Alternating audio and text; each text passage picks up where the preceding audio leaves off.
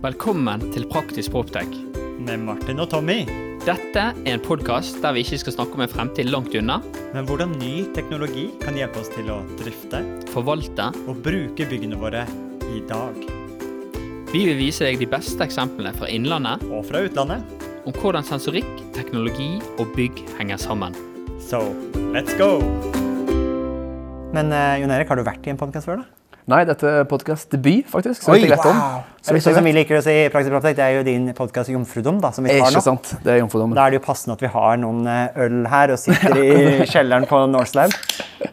Det er det som er det, det fine med når vi bruker Nomo nå, at vi kan komme hjem til folk, som vi pleier å si. På en måte. Dette en måte hjem til folk, Det føles jo som vi har kommet hjem til noen. Det er koselig her. Ja, det er hyggelig at dere sier. Ja. Ja. Og vi har vært i kjøleskapet, forsynt oss med det vi ville. Ja. Ja, du fikk forsyne deg først, og så Ja. tok du den jeg ville ha. Så nekta du å dele. Men, men du vil alltid ha den jeg vil ha, Martin. Det det. Så- Ja, Men vet, det som jeg kanskje syns er gøyest i dag, det er jo det at vi skal jo, som et ordtak sier, det beste kommer ofte fra Bergen. Så tror jeg det handler om litt Og så god at jeg ja, ja. svelgte feil. ja. Dette er en mango mojito, altså. Det, det var Hører lyden av en det mango var- mojito. Det var lyden av mango mojito i Bangsgruppen. Ja. Men stemmer ikke det at, at eh, Carrot startet egentlig med et annet navn i Bergen? Jo, spot on. For bare mm, litt over to år siden så heter vi Waste IQ. Så når jeg begynte for to og et halvt år siden, så var navnet Waste IQ. Og det var et rent Bergensselskap, faktisk. Alle andre som jobba i, i da Waste IQ, satt i Bergen. Så jeg var med i 20, starten av 2021 og startet Oslo-kontoret. Mm. og så var det først i eh, oktober, 1. oktober faktisk, 2021 at vi bytta navn, oppdaterte merkevaren til The Carrot. Hvorfor Carrot? Nei, um, godt spørsmål, og takk for at du spør. Nei, altså, Vi kommer kanskje litt tilbake til det, men det vi har innsett om avfallsbransjen, er at det som har mangla, er at folk har faktisk har hatt en motivasjon til å gjøre det riktige. Så vi skal representere en carrot, eller vi skal gjøre det mulig å, å eh, faktisk motivere folk, motivere selskaper til å ta bedre valg. Så Derfor er det en litt sånn fin billedlig, eh, et billedlig spill på det. Og så er jo det også, det handler jo kanskje òg om matavfall. Og Eh, Det kan gjøre det, kan absolutt. Men jeg tenker også at nå, eh, med de forandringene som skjer, og vi skal ikke tenke på dette her som avfall lenger, men det er noe som, noe som har verdi, Absolutt. så var det kanskje ikke så passende å hete Waste søppelintelligens. Waste, og heller bytte den til noe som er litt mer motiverende. Ja, Man skal bli motivert, da, ikke noe man skal bli kvitt. Det var litt det vi innså at um, um, hvis vi jobber for å bli kvitt avfall, så må vi i alle fall klare å bli kvitt i navnet vårt. Men dette her er er jo etter dere bytta navn.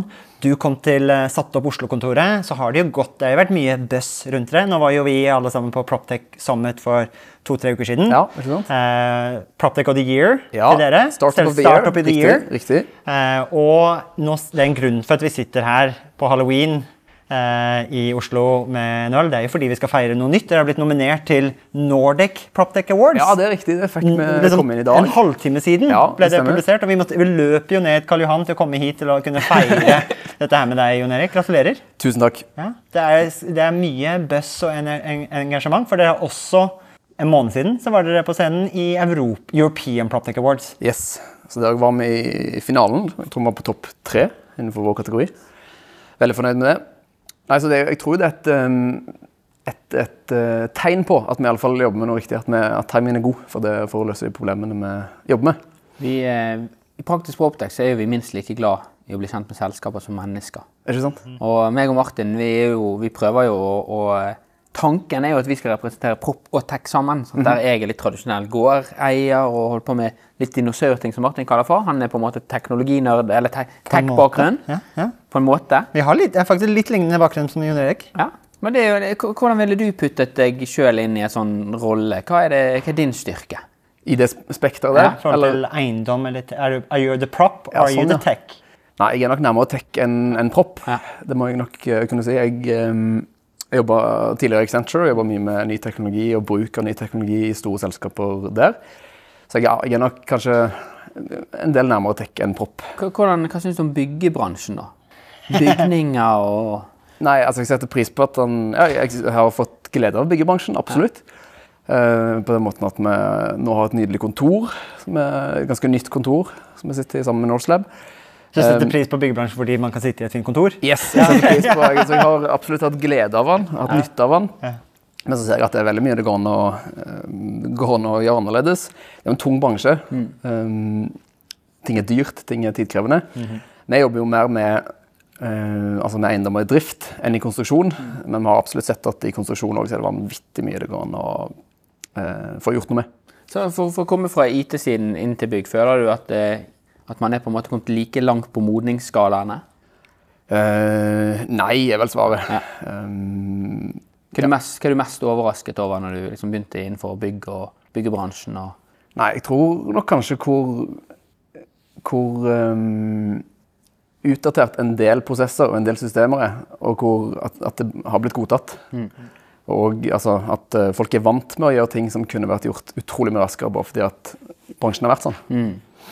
Nå, det jo, nå kommer det jo mye når vi tekker. Jeg har også eh, hatt en liten stint i konsulentfirmaet Accenture. og jobbet og, nettopp. en måte, Men da med mot finans eller fintech. Ja, Så er samme det jo, ja, se, det er, så, vi har en litt lignende bakgrunn. Også vært en tur innom på NTNU og gjort Induc òg. Ikke sant? Ja. Wow. Så vi er nesten sånn kanskje litt ja. Men du har mye bedre bart enn meg, da.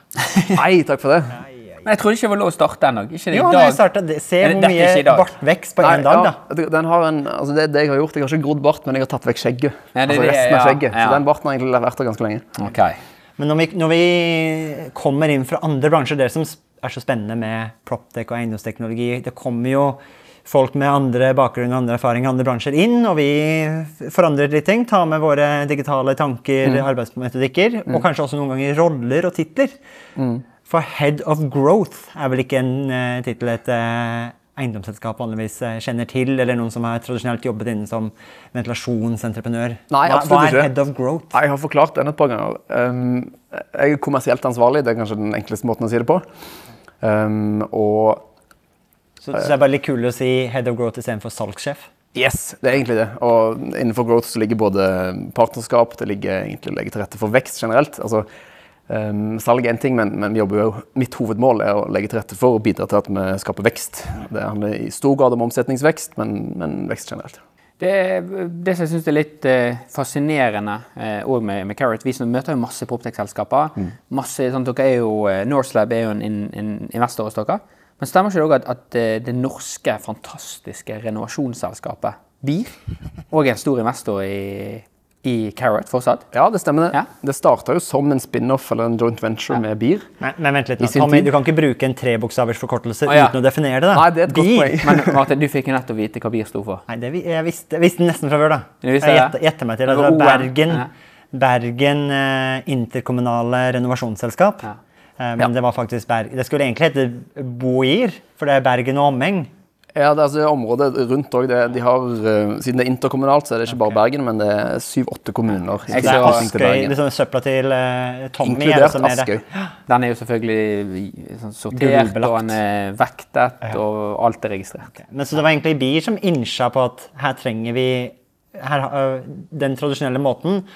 Og nå snakker vi om bygg i drift, vi snakker ikke om under byggefasen. Vi snakker om hvordan vi drifter bygg, og det er en stor del av på måte, fotavtrykket på bygg er eh, det vi avgjør oss inni dette bygget, avfallet. Ja, eller faktisk så må vi ta et, et steg tilbake. okay. Fordi når vi starta, så var det som en del av altså BIR, som driver kommunal renovasjon. Så de er en kommunal renovatør håndterer um, avfallet fra husholdninger i eh, bergensområdet. Så det starta egentlig som et, eh, ja, en joint venture mellom BIR, eh, som er kommunal renovatør for Bergen og eh, kommunene rundt, og New, som er en sånn startup-fabrikk fra Bergen. Som innså at noe av det grunnlaget de hadde bygd i Bergen, knyttet til kommunal renovasjon, og en måte å bruke data for å insentivere husholdninger til å redusere avfall, det var en type idé og en type løsning som potensielt kunne bli tatt ut. Så utgangspunktet var, for Når vi har tenkt på Carrot i forkant, så var dette for næringsbygg, men utgangspunktet var faktisk for Yes, det kom for kommunal renovasjon. Ok. Eh, Så hvis du f.eks. bor i Bergen, og da har du mest hvis du bor i sentrum, så har du mest sannsynlig en brikke som du bruker for å få lov til å kaste avfall. Ja. Den dataen går via vår plattform og inn i systemene til BIR. Sånn at du f.eks. får avfallsgebyr basert på hvor mye restavfall du har kasta. Og den, hele den tankegangen var litt ideen bak eh, det som ble Waste IQ. At du skulle bruke data for å faktisk kunne insentivere eh, husholdninger og selskaper til å faktisk redusere avfall. Mm. BIR gjorde jo noe veldig kult òg i forkant av det. For at man puttet jo også sensor på alle bossspann, eller søppelspann, som man sier her borte, på, eh, på alle utedistriktene og sånt, på Askøy blant annet hos meg. Og så er jo det en modell som sier at hvis du kaster det hver 14. dag, så betaler du så og så masse ukentlig, månedlig. Og etter å ha sett den presentasjonen til BIR for lenge siden, så husker jeg det at det var det de trodde de skulle gjøre. De skulle liksom effektivisere litt og ta de som ikke betalte og få litt mer kontroll. Men det de endte opp med, det var en isfjellseffekt. Ja. Og det var rett og slett det at eh, de begynte å effektivisere kjøreruten sin. De å, de brukte for mye mer effektivt, for de hadde mer statistikk over hvor ofte hvor mye søppel er det der og der. Og alle hadde et insentiv for å gjøre det, eh, for de som tjente penger på det. Men så i denne delen, Nå snakker vi fortsatt om husholdninger, eller snakker vi også på næringsbygg nå? Dette var fortsatt husholdninger. Husholdninger, Ja. okay. Men hvis vi tar Carrot, så er det liksom Ja. øh, Skapelseshistorien, starten, var Yes. der. Eh, det bytta navn. Det øh, i stor vekst, fått internasjonal oppmerksomhet. Liksom skikkelig medgang. Ja. Men problemet Carrot løser i dag, er det fortsatt det samme som man starta ut med? Er, Ja, hvordan altså, ideen er beskriver. Carrot i dag? Vi, vi så jo litt sånn i løpet av 2020, ja, egentlig 2020-2021, at uh, en del av de samme utfordringene som vi hadde sett i kommunal avfallsbransje, var akkurat de samme innenfor avfall for næringsbygg. Altså uh, ja, fra kjøpesentre, fra kontorbygg osv. Litt av essensen i problemet er at eksempel hvis du tar et kontorbygg, så er det ingen i det kontorbygget som har noen grunn til å redusere sitt eget avfall. Eller egentlig i det hele tatt har et forhold til sitt eget avfall. Nei. For det eneste du vet, er hvor mye avfall som kommer fra bygget som helhet. Um, så det er ingen ansvarliggjøring innad i bygget. Det er ingen motivasjon for noen av leietakerne til å faktisk gjøre noe med det. For det, Vi har jo prata veldig mye i Praktisk om eh, felleskostnader på energi. Vi Mm. Yes. pratet om den fordelingen Yes. og insentivene, eie-leie-problematikken. Hvordan, hvordan er det egentlig en fragmentering Mm. av insentivene til å energioptimalisere bygg, for at alle kostnadene går på leietakeren, mens det er gårdeieren som må sette i gang tiltak. Ja.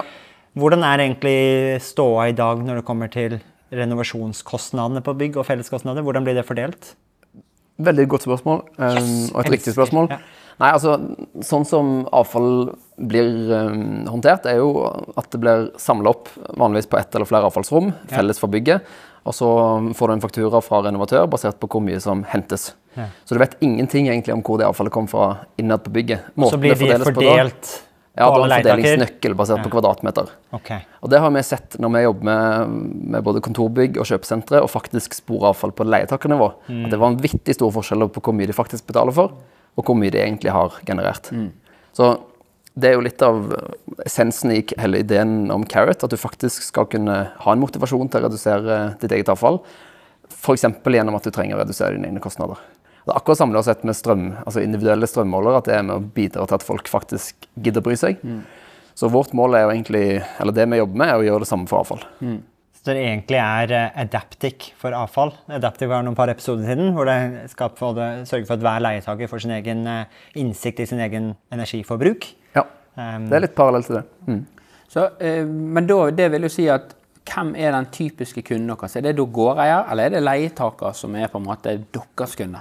Um, stort sett så er det gårdeier. Gårdeier. Vi har noen eksempler der f.eks. For, for kontorbygg så hender det at det er en leietaker som initierer det, for de trenger sine egne avfallsdata for bærekraftsrapportering. Og da, det hender at, at vi har noen bygg der vi kun har noen enkeltleietakere som, er, som bruker løsningen. Men ofte, f.eks. når vi jobber med kjøpesentre, så innfører vi for hele, hele kjøpesenteret. Okay. Men la oss, eh, så det er lett å forstå at det er ett søppelrom, og så kommer renovasjonsselskapet, henter rest, papir, plast, glass osv. Mm. Altså så det er samlet på hele bygget. Så har du sju etasjer. Hvordan er det dere da greier å få litt mer eh, detalj, eller granular på engelsk, da. Eh, findetaljert data på hva er det som blir kastet i andre etasje fra den leietakeren, eller fjerde etasje på den leietakeren. Hvordan, hvordan tetter dere det datahullet praktisk? Og et godt spørsmål. Det er litt, kommer litt an på hva bygg vi jobber med. For når vi jobber med kontorbygg, Ja. så er vi avhengig av samarbeid med renholdsselskapene, altså Facility Management-selskapene. Ja. Da har vi bl.a. et uh, partnerskap med ISS. sånn at når de henter avfallet i en etasje eller hos en leietaker, Ja. så registrerer de avfallet enten mens de er oppe og henter det, eller nede på avfallsrommet, hvor mye som kommer fra hvilken leietaker. Og man faktisk uh, veier det. Ja. Ja. Så da veier, de, de tar runden sin og tømmer uh, alle bossespannene, som Tommy ville sagt, rundt omkring. Og så tar de og, og Før de legger det opp i den store konteineren i, i søppelrommet, så måler de jo ikke så mye kom fra leietaker i andre etasje. Er det annerledes på et kjøpesenter, da? Siden- Ja, det er litt annerledes da. På et kjøpesenter så går ofte de ansatte sjøl fra, fra butikkene går ned på avfallsrommet. Ja. Så i en del tilfeller da så registrerer de avfallet når de går på avfallsrommet. Så da, kan du, da er det ofte en tablet på avfallsrommet som gjør at du velger hvilken butikk det kommer fra, og så er det en vekt osv. Og så er vi også kobla til ganske mange smarte avfallsløsninger, sånn at hvis du har en smart avfallsbeholder eller en smart komprimator, og bruker et kort for, eksempel, for å identifisere butikken, så får vi dataen direkte derifra. Ja, for, for det var litt, eh, Neste spørsmålet mitt var jo litt sånn praktisk. Hvis, vi, hvis, jeg, er, hvis jeg er denne personen, hvis jeg er mm, den personen som eh, tar og tømmer avfallet for et helt kontor Jeg går ned, eh, Utvikler dere en vekt, eller bruker dere på en måte en standard baderomsvekt? eller... Vi har tatt et ganske sånn tydelig standpunkt på at vi aldri skal utvikle eller ha ansvar for hardware. Vi er et rent software-selskap. Men vi har heldigvis gode partnere som leverer både vekter. Vi har et, et vektselskap som vi ofte bruker, som jeg er veldig, som er veldig fornøyd med. Men alt Som har utstyr sånn- seg på avfallsvekt. Ja, nettopp. Og da, og da er, det, er det litt sånn som du, på butikken, når du tar liksom eh, gulrøttene, og så tar du og slår inn en kode, og så veier du den, og så der vet du at det er det. Så er det litt det samme nå at er restavfall, du veier det, og så blir vekten da automatisk lagt inn, eller må du ta- taste inn vekten? Eh, Eh, Vi har støtte for begge deler, Ja. så det er egentlig litt opp til ambisjonsnivået, er litt opp til hva løsninger som finnes fra før. Så du kan egentlig ha med deg tre poser, så sier du restavfall, legger den på vekten, OK, og så papir, så og så masse, og så glass, så og så masse, og så skjer egentlig hele den reisen der ganske automatisk. Ja. Eller det kan være manuelt, at du har en litt dum vekt, og du skriver alt på en iPad eller noe. Og ofte så fungerer det bra nok. Altså, Ja. Vi har ganske mange kunder som begynner der, og som ser at eh, i alle fall for de leietakerne som tar det på alvor, så får de den dataen de trenger. En sånn ting som jeg vet at eh, eh, de som driver med energidata, de har alltid jobbet og slitt litt med, det er jo det at når du måler hovedmåleren, sant? hovedenergien, så er jo det samme her. Man får jo en, en regning fra, fra renovasjonsselskapet når vi hentet, det var så masse. Og så skal du ta den der minus alle minusmålerne på bygget, og i dette tilfellet alle minusvektene, holdt jeg på å si. Ender man opp med å ha liksom at her er to tonn, eller her er to kilo, eller ti kilo. Som ikke er blitt registrert? så ikke vi vet hvem vi er. Ja. Hvordan, hvordan løser man sånne ting? Nei, det er, jo, det er jo litt interessant òg, for eh, hvis du f.eks. har mange ulike renholdsselskaper og mange ulike leietakere, og det er stor forskjell på eh, hvor, um, si, hvor fremoverlente de ulike renholdsselskapene er, så ser vi ofte at det er et avvik mellom hvor mye som blir henta, og hvor mye som blir rapportert at eh, det har blitt henta hos, hos leietakerne spesifikt. Men da vet du ganske mye mer om hvem du skal følge opp. Hvis du f.eks. ser at det er en leietaker som har registrert eh, eller som har registrert mye mindre enn du hadde forventa av en sånn type leietaker, så kan du gå, jobbe med de proaktivt for å bli bedre. Så det, det gjør at du vet ganske mye mer om hvem som gjør en god jobb, hvem som faktisk registrerer, og hvem som, hvor det er litt å gå Ja. på. S- Insentivene her, da. For, uh det er jo både finansielle, men også noen nye lovpålagte krav på denne rapporteringen. Både for gårdeier, men også for leietakerne. Mm. hva er Vi har prata veldig mye om taksonomien, rapporteringskrav, de nye Vi hadde en episode, en veldig intens episode med Dirk Paylink. European Proptech Association for noen uker siden. Ja, ja. Han fortalte oss alt som eh, Og du kjenner til Dirk? Ja, han har jo vært på Proptech Summit med, i Ja, alle fall. ja, ja. Artig.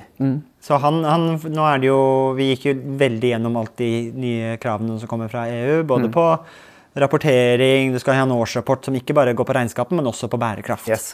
Hvordan spiller dere inn på dette her? Er dette her er dette tall som dere da genererer for de til å hjelpe til med rapporteringen? Ja, og dette er jo noe av det viktigste for oss nå for tiden, er det, den medvinden vi får gjennom at eh, det begynner å bli stilt krav til nettopp bedre data på avfall.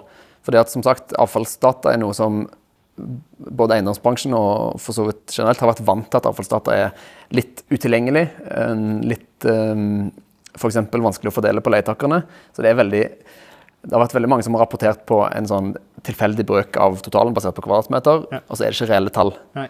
Og hvis du da skal kunne vise en forbedring for eksempel fra år til år, det er det som er formålet med bærekraftsrapportering. Ja. Det er ikke bare å faktisk Rapportere. men det er å kunne vise, demonstrere at du har blitt bedre. Så hvis du da skal kunne vise en forbedring fra år til år, så er det en forutsetning at du har egne data. Um, og vi mener jo at det er veldig vanskelig å forbedre noe som du ikke måler. Og det er jo det som ligger bak hele uh, denne CSRD, altså Corporate Sustainability Reporting Directive, som kommer fra EU nå. Som òg er foreslått at Norge skal ta inn som en lov, at du er nødt til å faktisk ha bærekraftsrapportering på lik linje med finansiell rapportering. For da, da snakker vi ikke kun om gårdeieren som må rapportere, men faktisk hvis du er en leietaker, Ja, opp til en viss størrelse, eller gjelder Ja. det så å si alle leietakere Nei, nå i de en bygg? kravene der, altså de grensene for hvilke som skal tas med i ordningen fra, nå fra start, er er fortsatt til diskusjon. Ja. Um, det er noe med børsnotert selskap, børsnoterte selskaper, det er noe med selskapstyper osv. Men, men de som blir en del, altså de som får det kravet, er nødt til å kunne rapportere på sitt eget bl.a. Eh, miljøregnskap, og inkludert hvor mye avfall de genererer. Men la oss ta hypotetisk, da. Si at vi har et relativt stort norsk selskap som er på Oslo Børs. Sånn som, og de leier kontorer. Det er kun kontorer, de har ikke noe mer aktivitet enn det. Er det slik de får nå avfallsdata fra sin gårdeier, kommer det til å være nok hvordan det er i dag, eller kommer de faktisk til å måtte legge trykk på sine leie, i sine leieavtaler at vi må ha rapportering à la Carrot til å kunne eh, være, tilfredsstille de nye rapporteringskravene som kommer? Ja, altså Vi opplever i hvert fall flere og flere som eh, Det vi har lært om eiendomsbransjen, da, at det er først når leietakerne begynner å stille krav, at ting begynner å skje. Altså, Særlig ting som går på felleskostnader. og sånn, er Så fort du vet at leietakerne er interessert og vil betale for det, så skjer ting ganske raskt. Ja. Og Det har vi sett veldig mange eksempler på nå, særlig siste året. At leietakerne går til sine gårdeiere eller eiendomssjefer og sier at det å få en sånn kvadratmeterfordelt kvadratmeter fordelt mengde av totalen er ikke godt nok. Nei. For det første fordi det garantert er feil, det har vi sett. Men òg fordi at hvis vi da skal vise at den blir bedre til neste år, så har vi ikke noe bevis på det. Nei. Så vi ser flere og flere eksempler på eh, ofte store og litt viktige leietakere som går til sine gårdeiere, som gjør at gårdeiere tar kontakt med oss. Men hvis du tenker litt sånn, hvis vi skal være litt sånn uh, kynisk, for vi ser jo det at, at strøm, liksom, i strømkrisen så var det veldig mange som brydde seg veldig mye om strøm. Og det var jo fordi at eh, det kostet mye penger. Ja. Eh, og- så har man sett på en måte at, at EOS-aktiviteter, Enova sa vel at måler du, eh, altså i den forstanden da, strøm, så, så, så vil du kunne spare 5-10% Det var- Av å måle noe og forbedre, så er det sånn cirka det. Det var vel konkret da, Hvis du hadde et EOS, Ja. hvis du faktisk kunne presentere strømdataen i et intuitivt brukerinnsnitt, Ja. kun den presentasjonen i seg selv viste en 5% Ja. 5 til 10 hvis, hvis så lenge du bruker det aktivt. Så tenker jeg Det vil jo eh, naturlig være ganske relativt til, til renovasjoner. Sant? Hvis du måler noe, du ser noe, så sparer du. Men for en leietaker, hva, hva vil det bety, sånn, tror du, å spare og, og redusere mm, svinnet med søppel med 5-10 er, det- er det 20 kroner, eller er det mange tusen kroner? Altså sånn som avfalls... eh, altså sånn som eh, avfallskostnadene har vært tradisjonelt. Nå siste årene, selv om når strømmen har gått opp såpass, har jo avfallskostnadene vært en veldig liten del av felleskostnadene, sånn sammenlignet med f.eks. strøm. Um, og så har det òg vært ganske mange eksempler på at f.eks. når en, eh, et kjøpesenter eller et kontorbygg um, skal få en kontrakt med et Altså skal ha inn et renovasjonsselskap, så gir de kontrakten til den som kan gi de lavest pris på restavfall. Som egentlig betyr at det billigste for kunden blir å kaste restavfall, og så er det ikke egentlig en økonomisk gevinst i å sortere bedre eller redusere avfall. Så det vi har sett, det vi ser nå, bl.a. med CO2-avgiften, som det for så vidt er en, eh, og en interessant debatt rundt, er jo at restavfall blir dyrere.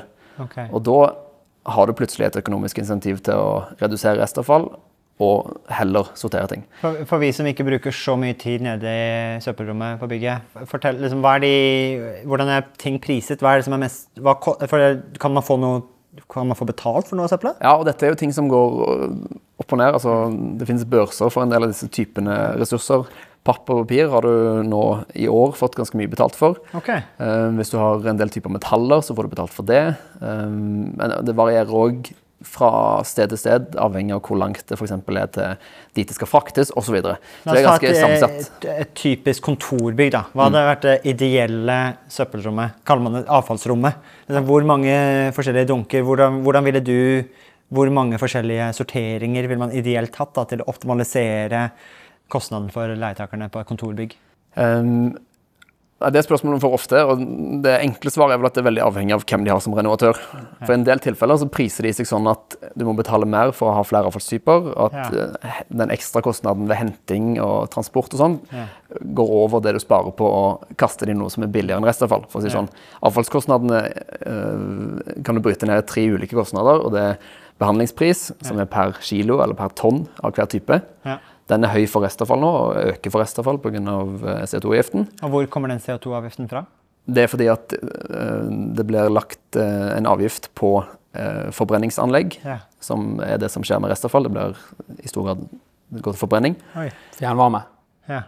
Ja, og dette, dette er en, det er en lang, lang diskusjon, men i alle fall så eh, har du behandlingsprisen som er en komponent. Du har eh, utstyrsleie som er en annen komponent, og så har du transport som er en tredje komponent. Så av og til så blir summen sånn at eh, Avhengig av hvem du har som renovatør, så kan det bli sånn at det å sortere, sortere mer kan bli dyrere. Men oftere og oftere nå så ser vi at, at renovasjonsselskapene har også skjønt dette, sånn at de priser seg på en måte som gjør at det faktisk lønner seg for et selskap å ha flere fraksjoner og sortere bedre. En, eh, en tidligere praktisk proptech-gjest, Dag Jonny, i, nå i så han lagde faktisk en mal på det perfekte bossrommet. Okay, Med ja. fargekoder til de ulike tingene. Ja, for man så at fargekoder det hjalp eh, leietakerne å sortere bedre. Og så eh, Hva, hva, hva var de forskjellige Jeg husker det var, liksom, det var de liksom regnbuens farger, da. Men, eh, men jeg husker at der var det restavfall. det var papir, det var glass og metall. Elektronikk? elektronikk. Og så var det liksom, der hadde man på en måte lagt en sånn generelt da, sant? Det var jo Toma som, som hadde masse bygg som de driftet. Og det som jeg òg husker, når jeg, for han var jo på en måte teknisk sjef når jeg eh, tok min eh, debut innenfor drift og forvaltning. Og da Er husker han jeg, mentoren din, da? han, han var en mentor. Jeg Så tror, jeg, Dag Jonny får jeg takke for mye. ja, så, så, så, så han sa til meg en gang for, etter jeg hadde vært her i to år, så sa han når du begynte, så hadde ikke noe tro på deg. Ja. Du klarte deg ok. men, men eh, det som jeg òg lærte av han som var veldig nyttig, det var det at jeg hadde et eh, renovasjonsrom, som var, eller jeg hadde et bygg ved 40 000 kvadratmeter, kostet utrolig masse. Bernadottes vei? Ja. Og, men det vi gjorde, et tiltak som vi gjorde, var jo at vi fikk større komprimator. Fant ut at hentegebyret var såpass mye høyere enn det som du nettopp snakket Ja, om, med volumet. Så det å liksom ha sjeldnere henting, det var viktigere. Ja. Så, så der optimaliserte vi med farger for å øke sorteringsgraden for he- helhet. Vi, vi optimaliserte hvor ofte det skulle bli hentet, sånn miljø vi- eller sånn mindre kjøretillegg, og det er jo bra for miljøet, det òg. Og så er det kanskje det som jeg savner som ikke har vært med på den reisen, er jo hvordan man kan motivere leietakerne og få med seg det. For det, Yes. da er det sånn som jeg oppfatter Carrot i dag, det er der dere skal bli best i verden. Yes. Og det, det handler om at leietakerne skal bli ansvarliggjort. Ja. Skal ta veie alt sammen, sånn at de blir bevisst på det. Og da begynner jeg å tenke litt sånn, har dere noe sånn, er det infoskjermer hos leietakerne som viser i dag er du et miljøsvin? I dag, Um, I dag er det halloweenfest, nå var det masse tomflasker Ja, og masse chipsposer. Vårt mål er å gjøre enten en driftssjef eller, og, eller en, altså en driftssjef eller en eiendomssjef eller en, eh, de som har ansvar for senteret eller for kontorbygget, i stand til å faktisk ha den informasjonen. Enten en site manager eller en driftssjef eller ja, hvem det skal være. Så vi mm, leverer ikke noe, noen sånne ting, selv, men vi leverer data til det. Så vi har flere eksempler på kunder av oss som har en infoskjerm med og avfallsdata brutt ned per leietaker. For det ser at sånne konkurranser, det å følge med på at dette er de som har blitt best for forrige måned, eh, dette er de som gjør det best hvis du ser på restavfallsmengde per kvadratmeter osv., det skaper skikkelig engasjement. Kult. Hva, hva er neste for Carrot? da? Hva er veien videre? Kan du dele noe spennende? Ja, vi har jo akkurat eh, Altså nå Det har skjedd vanvittig mye de siste to årene. Nå har vi gått fra på litt over to år, vi har gått fra to kunder til ca. 50. Så det har vært en, eh, en veldig spennende Men, men når du sier kunde, da er BIR en kunde, eller bygget en kunde? Da eller? blir en kunde. BIR en kunde, ja. Og så er hvert kjøpesenter en kunde, og så er hvert kontorbygg en Ja. kunde. Så da har vi en, en solid kundebase i Norge som fortsatt vokser, og så har vi akkurat signert vår første kunde i UK. Wow! Så ja, det er en skikkelig, eh, en skikkelig milepæl. Altså det blir et eh, bygg i, eh, ja, i UK, som vi skal starte med nå I London? før jul.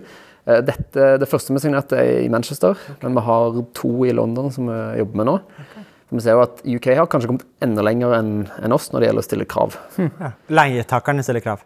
Eller? Og eiendomsselskapene, asset managerne, som styrer porteføljer av eh, eiendommer. De er nødt til å kunne vise disse tingene når de skal for selge en eiendom, eller når de skal kjøpe en eiendom. Men hva er det når man får en utenlandsk kunde for det, kjøper norsk proptech, eiendomsteknologi, utrolig gøy, men hva er, det, hva er det spesifikt de ser etter, som de ser ok, her har vi ikke løst det i Storbritannia, her har vi ikke løst det i noen andre land, vi må faktisk til eh, Norge og Bergen. Den teknologien her løser det på en helt unik måte, og hva er det, det, hva er det verdiforslaget der som virkelig resonnerer med dem? Som dere løser på en an, litt annerledes måte enn andre måter å Ja, nei, det er nok det at vi har en, en, en plattform og en løsning som gjør at de er rigga for framtiden. Sånn at de kan velge akkurat hvilke måter som fungerer best for de når det gjelder datafangst. Eh, vi kommer nok til å samarbeide tett med noen av eh, facility management-selskapene i UK for å få de gode på å bruke løsningen. Og så er vi òg rigga for å ta imot data fra smartteknologi osv. Og, så videre, og vi kan òg sende den dataen videre til systemer som brukes, enten det er FTV-systemer eller energi, altså miljørapporteringssystemer. Men hvis vi prater om selve Carrot-produktet Det lever, leverer ikke hardværen, men det er på en måte støtter mange Ja. eh, IOT-sensorikk for avfallshåndtering og måling og beregning av det. Mm. henter inn den dataen. Hvis, jeg, tenker, jeg ser for meg at det er tre hovedbrukere av plattformen da, som man har en innlogging. Det er leietakerne, om det er det er eh, leietakerne og kanskje renholdsselskapene som er ansvarlig for de leietakerne. Ja, om det er en, en butikk, et kjøpesenter, så går de kanskje selv. Mm. Eller hvis det er kontor, så er det et renholdsselskap som eh, tømmer eh, avfallet i kontorlandskapet. Mm. Så har du gårdeieren, eller de som er, f- forvalter bygget. Mm. Og så har du driftsavdelingen, sannsynligvis. Ja. Er det de tre Ja, hovedbrukerne? så har du altså, eiendomsselskapet sentralt som sitter og skal rapportere på tvers av porteføljen sin. som skal, ja. Hvordan, hva, er det de, hva er det de forskjellige brukerne får tilgang til i Carrot? Hva er brukeropplevelsen dem? Um, leietakerne og renholderne får altså leie, Hver leietaker får tilgang på sine egne data. Så de får Carrot for Tenants-appen, okay. både, der de både kan registrere avfall, men der de òg får statistikk tilbake. Um, Med litt sånn gamification til å motivere Ja, og litt sånn fra, dette er det du kan gjøre bedre. Forrige måned så, så vi dette og dette. Dette hvordan du gjør det sammenlignet med snittet på bygget osv. Ja. Prøve å skape litt engasjement. Men den største motivasjonen der er å gå minimere rest og få øke sorteringsgraden. For du kan Ja. ikke nødvendigvis redusere hvor mye avfall man har, men man kan redusere hvor mye av det som går på den generelle dunken rest. da. Ja, restavfallsreduksjon er det viktigste. Og så kan det skje gjennom både bedre sortering eller avfallsreduksjon generelt. Um, så de får tilgang på sin egen data. og for en del leietakere så er det det viktigste. At de kan få reell data som de kan bruke til bærekraftsrapportering. Det holder. og Det er på en måte det viktigste de vil ha ut av det. Men så har du renholdsselskapet. Hvis de for eksempel sitter på flere leietakere, så har de kontroll på hvor mye avfall som kommer fra de ulike leietakerne. Det gjelder òg for driftsavdelingen på bygget. At de kan følge med på hvor mye avfall som er registrert. De kan se på hvilke leietakere som burde ha kasta andre typer avfall enn det de har registrert, f.eks. For eksempel, for eh, forbedringsforslag. Og så har du da ofte eiendomsselskapet sjøl som sitter på en portefølje og kan sammenligne på tvers av bygg. Men hva med den em, finansielle biten og, eh, å fakturere i forhold til Mm. eh, avfall?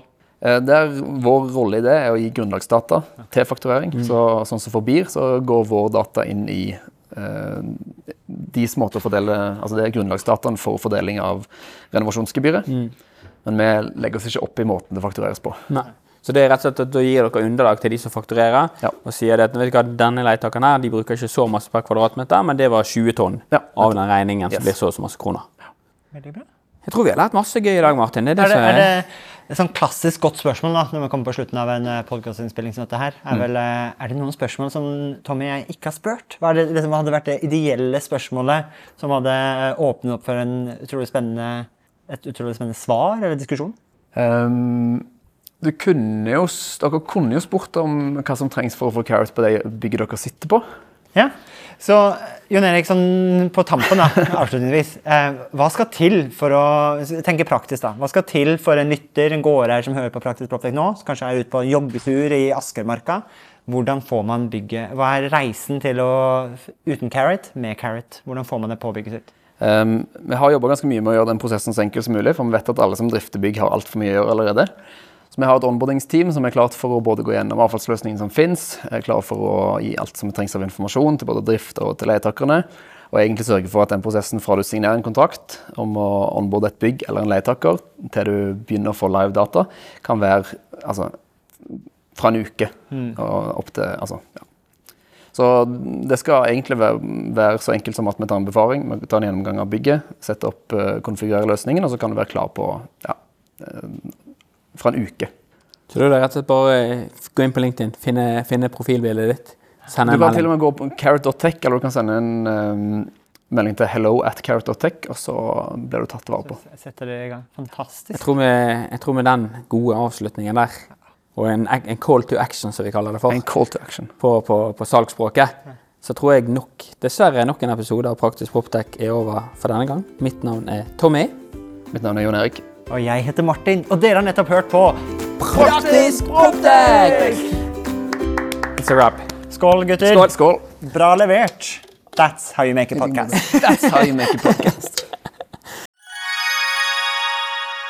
Da dere er 2024 i gang, og et av høydepunktene på starten av året er jo sett sammen et årshjul, og det har vi også gjort, Tommy. Ja, Akkurat nå sitter jeg og ringer rundt 25. og 26. april, for da skal vi på FTV-kongressen. Og det blir litt ekstra spesielt i år, Martin. Det var jo veldig spesielt i fjor òg, for jeg husker det vakre øyeblikket når eh, du og Magnus fra FTV-kongressen eh, preiket sammen og egentlig unnfanget og satt sammen en god idé. Og det var jo invitasjonen til eh, Proptech-dugnaden, som også blir et høydepunkt i år, ikke sant, Magnus, på FTV-kongressen 2024? Jo, det stemmer det. Vi setter godt med plass i år til, til dugnaden en god og sprø idé for å sette praktisk Proptech ut faktisk i livet og vise hva vi får til, ikke bare fortelle. Det var jo, det var jo veldig gøy, for jeg husker når jeg skulle pitche dette til deg, så tror jeg du avbrøt meg og bare sa 'vi er med'. Og når vi var på dugnaden, så sa du òg at Tommy, dette her må vi ta med oss tilbake på FTV-kongressen. Vi må jo praktisk få dette vekk fra Powerpoint og vise praktisk hvordan vi har gjort det. Og det syns jeg blir litt spesielt i år, at det blir jo for meg en liten reunion av det som skjedde der ute. Men, men uh, FTV-kongressen er vel mye mer enn en, bare en reunion òg?